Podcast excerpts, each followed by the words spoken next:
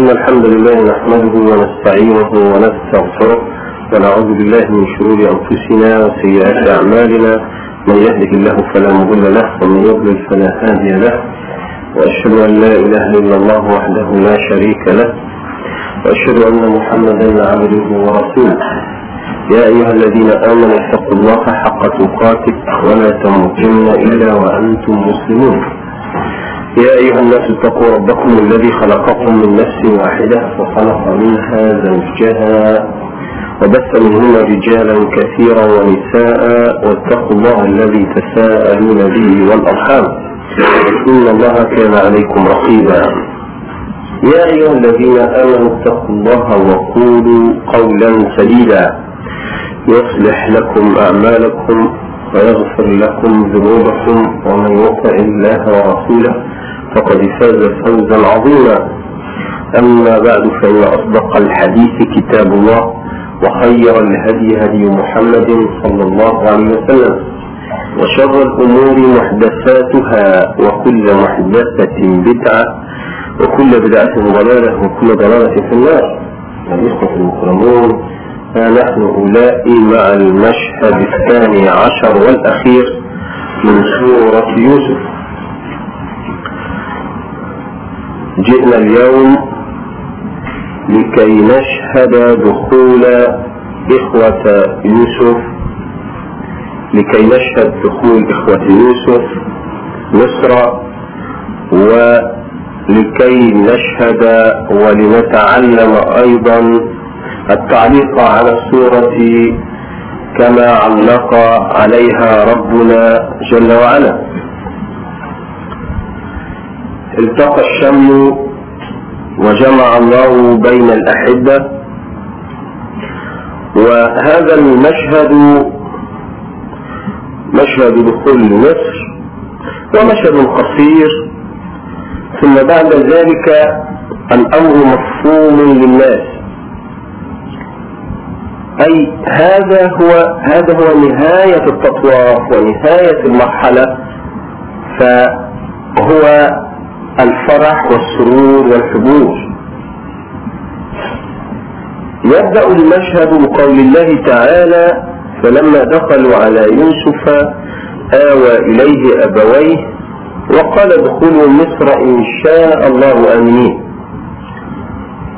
ورفع أبويه على العرش وخروا له سجدا. قال يا أبت هذا تأويل رؤياي من قبل قد جعلها ربي حقا وقد أحسن بي إذ أخرجني من السجن وجاء بكم من البر من بعد أن نزغ الشيطان بيني وبين إخوتي.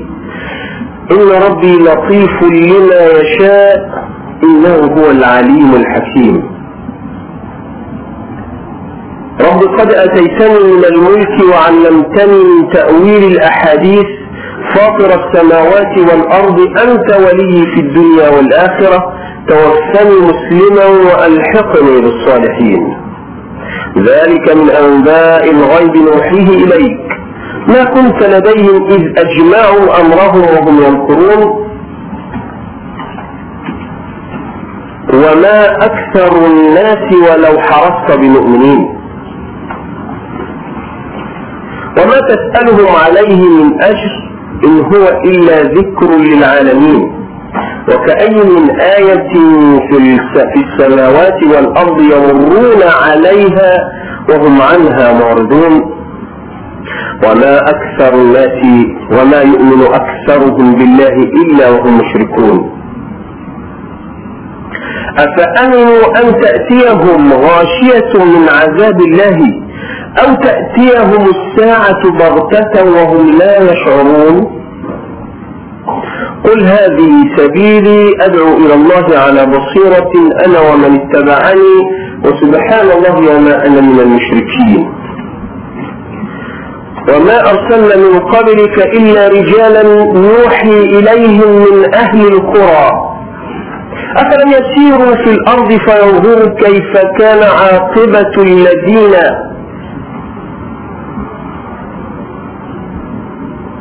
أفلم يسيروا في الأرض فينظروا كيف كان عاقبة الذين من قبلهم؟ أفلا تعقلون؟ حتى إذا استيأس الرسل وظنوا أنهم قد كذبوا جاءهم نصرنا. فنجي من نشاء ولا يرد بأسنا عن القوم المجرمين. لقد كان في قصصهم عبرة لأولي الألباب. ما كان حديثا يفترى ولكن تصديق الذي بين يديه وتفصيل كل شيء وهدى ورحمة لقوم يؤمنون. هذا هو المشهد بجملته من دخول مصر إلى تعقيد الرد عليه. هذا هو الذي سندندن حوله اليوم. قيل إن يوسف عليه السلام استقبل العائلة بأسرها وقيل كانوا ستين رجلا بأولاد الأولاد والأولاد وقيل تسعين وقيل أكثر أو أقل. استقبلهم جميعا والمشهد متعلق بأول السورة كانت رؤيا فإذا بها الآن حقيقة. خروا له جميعا سجدا فإذا بالكواكب تؤول هنا على أنها العائلة تسجد ليوسف عليه السلام. سجد الإخوة جميعا وسجد كل من حضر سجدوا جميعا ليوسف. وقلنا لكم إن السجود كان مشروعا في شريعتهم وذهب المفسرون إلى تأويل كلمة السجود إلى أنها انحناء أو غير ذلك. ولكن هناك أحاديث تثبت حتى في عهد رسول الله صلى الله عليه وسلم أن معنى السجود هو المعنى المتبادر وهو السجود على الأرض أو الركوع بمعنى الانحناء المتوسط كما في ركوعنا. هذا هو الذي كان يفعله الناس في الديانات السابقة. فهو شرع ولم يكن عبادة للشخص ولكن كان هذا من باب التعظيم لهذا الشخص. فلما جاء الإسلام منع هذا الانحناء ومنع هذا حتى مجرد الانحناء حتى مجرد هذه التحيات التي يفعلونها في ألعاب الكرة أو ألعاب الكاراتيه أو في هذه الطقوس التي تفعل في الرياضيات أو في بعض الأفلام أو غير ذلك حتى ما بين الناس ينسى الناس فيحيون بعضهم هكذا بالحناء وهذه منهي عنها أيضا. في ديننا وفي شرعتنا دخلوا فسجدوا فقال يا أبت هذا تأويل رؤياي من قبل قد جعلها ربي حقا. انظر إلى حسن استهلال وحسن تعليق يوسف عليه السلام أنه ينسب دائما الفضل كله لله. وقد أحسن بي إذ أخرجني من السجن. يوسف عليه السلام كان في إمكانه أن يقول وقد أحسن بي إذ أخرجني من الجب لأن الجب كان قبل السجن. وإذا به يقول السجن هنا ولم يقل الجب رغم أن الجب كان في الأول. أول ابتلاء له كان عندما ألقوه في الجب. قال الناس هو من الكرم اليوسفي أنه في حالة صفاء وحالة حضور وسرور وكرم مع إخوته فهو لا يريد أن يذكرهم بفعلتهم في مثل هذا السلطان وقيل لأن يوسف عندما ألقوه في الجب كان بغير إرادته. أما في السجن فهو الذي اختار. قال رب السجن أحب إلي مما يدعونني إليه. إذا هو الذي اختار السجن وهو الذي كان يدعو. قال اذكرني عند ربك سأل الرجل أن يذكره لأنه بقى ذرعا بالسجن. بقى ذرعا بالسجن لماذا؟ لأنه يريد أن يبرئ ساحته وسمعته. إذا لأن السجن اختياري فهو اختار السجن وقد أحسن بي رغم أنني قد طلبت من الله وقلت السجن أحب إلي مما يدعونني فيه إلى الزنا. أحسن بي في هذا. وقد جاء بكم من البدو هناك في الصحراء جمع الله شملنا بعد الشتات تأتون إلى الحاضرة إلى العاصمة إلى ال... هذه أم المدائن في عصرها تأتون من البدو حيث الجفاف والجفاء والعيش الخشن إلى العيش المطرف الحسن. وقد أحسن بي إذ أخرجني من السجن وجاء بكم من البدو من بعد أن نزغ الشيطان بيني وبين إخوتي. انظر إلى هذا التعليم وهذا التأديب في أحسن القصص. من بعد أن نزغ الشيطان بيني وبين إخوتي. هل كان يوسف نزغ الشيطان بينه وبينهم في شيء؟ هل بدأ به؟ انظر بدأ بنفسه. من بعد أن نزغ الشيطان بيني وبين إخوته. هو لم يتآمر عليهم هم الذين تآمروا عليه وصغير. ولكنه حسن الأدب أنه قدم نفسه تواضعا ونسب الموضوع برمته إلى الشيطان وأخرج إخوته من الموضوع تأدبا وتواضعا. من بعد أن نزغ الشيطان بيني وبين إخوتي. وهذا تعليم لنا في محاضر الصلح عندما يأتي المتخاصمان فمن الحسن أن يستهل بذلك. لا يقول أنت الذي افتريت وأنت الذي إذا هذا ليس محضر صلح هذه مشاجرة وهذه هذا نكد وهذه مشكلة. لكنه انظر ماذا يقول. تخيل لو أنك قلت لشخص أنت متخاصم معه وقلت له مثل هذا الشيطان نزغ بيني وبينك. ربما لو قلت له نزغ بينك وبيني ربما تأخذ العزة بالإثم أحيانا. لكن رغم أنك شاركت نفسه لكن هذا الأدب النبوي وهذا الأدب القرآني من بعد أن نزغ الشيطان بيني وبين إخوتي. إن ربي لطيف لما يشاء. هذا يناسب الآية. ربي لطيف عليم بدقائق الأمور. وهذه الخفايا النفسانية فيناسبها كلمة ربي. إن ربي لطيف لما يشاء. انظر إنه هو العليم الحكيم. كما قالها يعقوب من قبل إن ربك عليم حكيم. حكيم عليم. ونفس هذا يرددها في آخر السورة. إن ربي عليم حكيم. هو نفس هذا السياق متناغم ومتناسق مع بعضه. ولذلك فإن قصة يوسف لا ينفع أن تبتصر يعني لا ينفع أن تأخذ قصة الفتيين مثلا في السجن. وتتكلم عن قصة يوسف وعظمة الموضوع. إن الجمال في قصة يوسف وهذا هو سر عدم تكرار قصة يوسف في القرآن كما في قصة موسى والأنبياء. تستطيع أن تتكلم عن قصة الملكة بالقيس مع نبي الله سليمان. تستطيع أن تتكلم عن قصة الخضر مع موسى عليه السلام. تستطيع أن تأخذ بعض القصص القرآنية. إبراهيم والنمرود. تستطيع أن تأخذ مثل هذه القصص في القرآن من أي سورة؟ جزء من قصة نبي.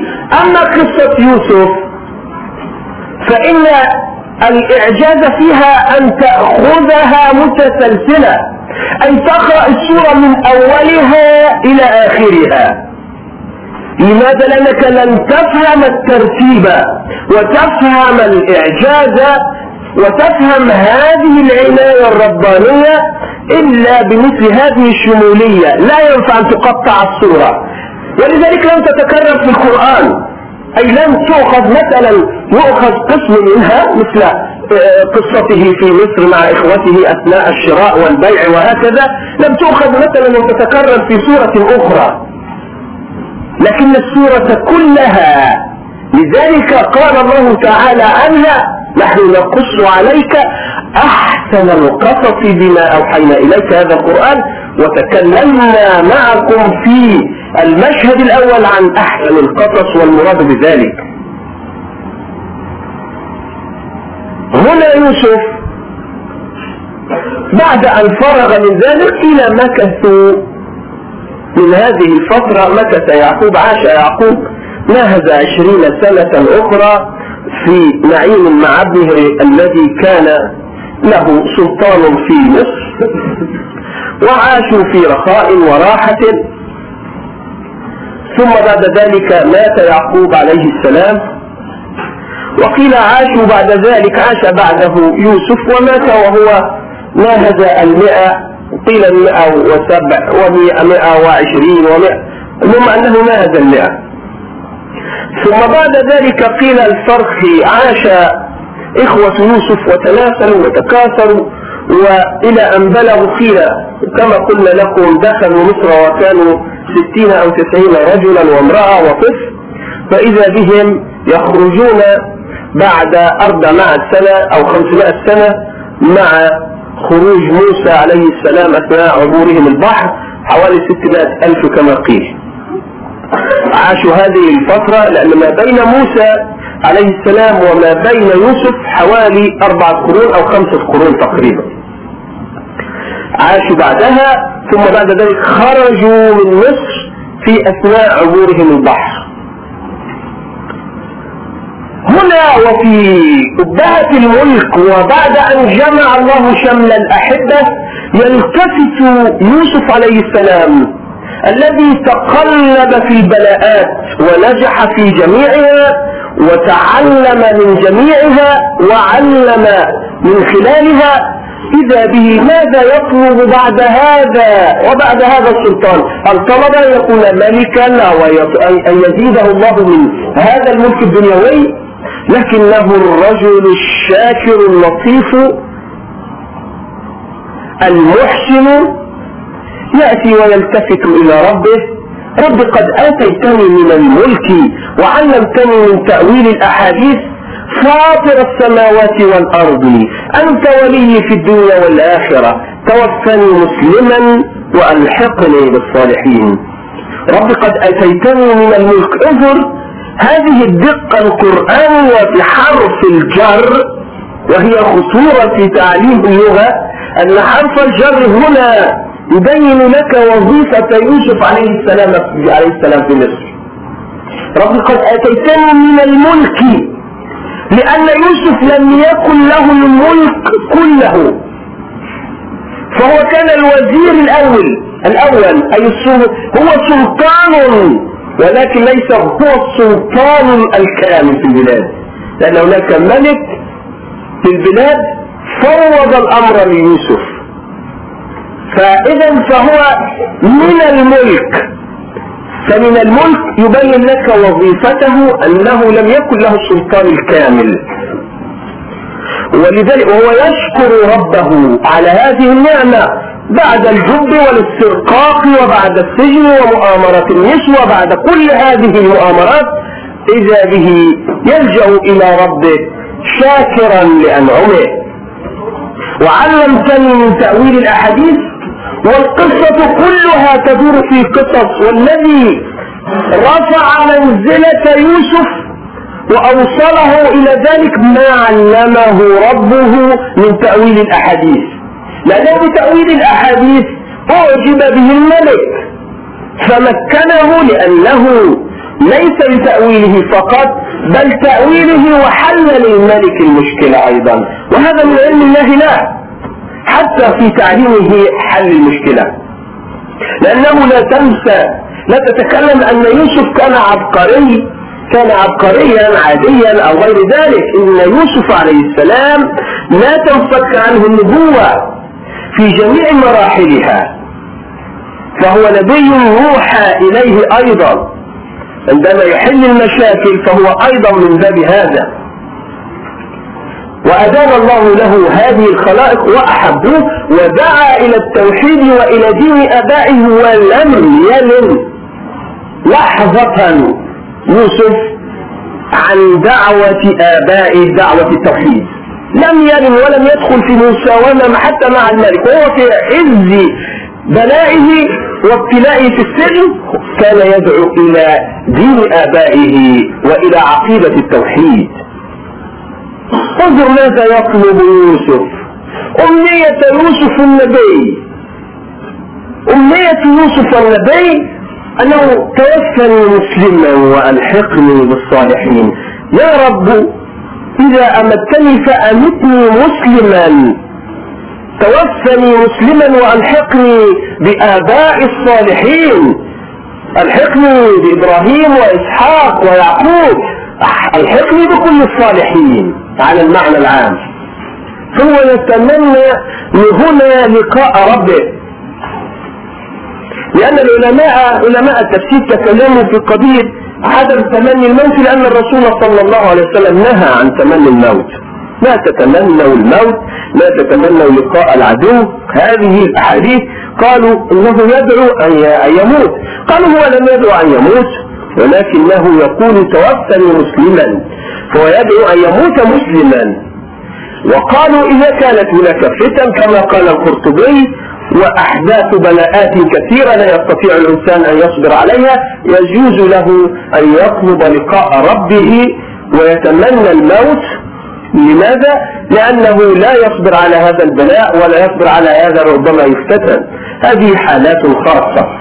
لكن المعنى العام أن هذا النبي الذي وصل به هذا الملك وهذا الفرح وهذا السرور لجأ ينسب كل شيء إلى ربه ويقول وكأنه يعرض عن هذا الملك ويدير له ظهره ويلجأ إلى ربه. رب قد أتيتني من الملك وعلمتني من تأويل الأحاديث فاطر السماوات والأرض خالق السماوات والأرض من غير بداية ومن غير تصوير سابق. فاطر السماوات والأرض.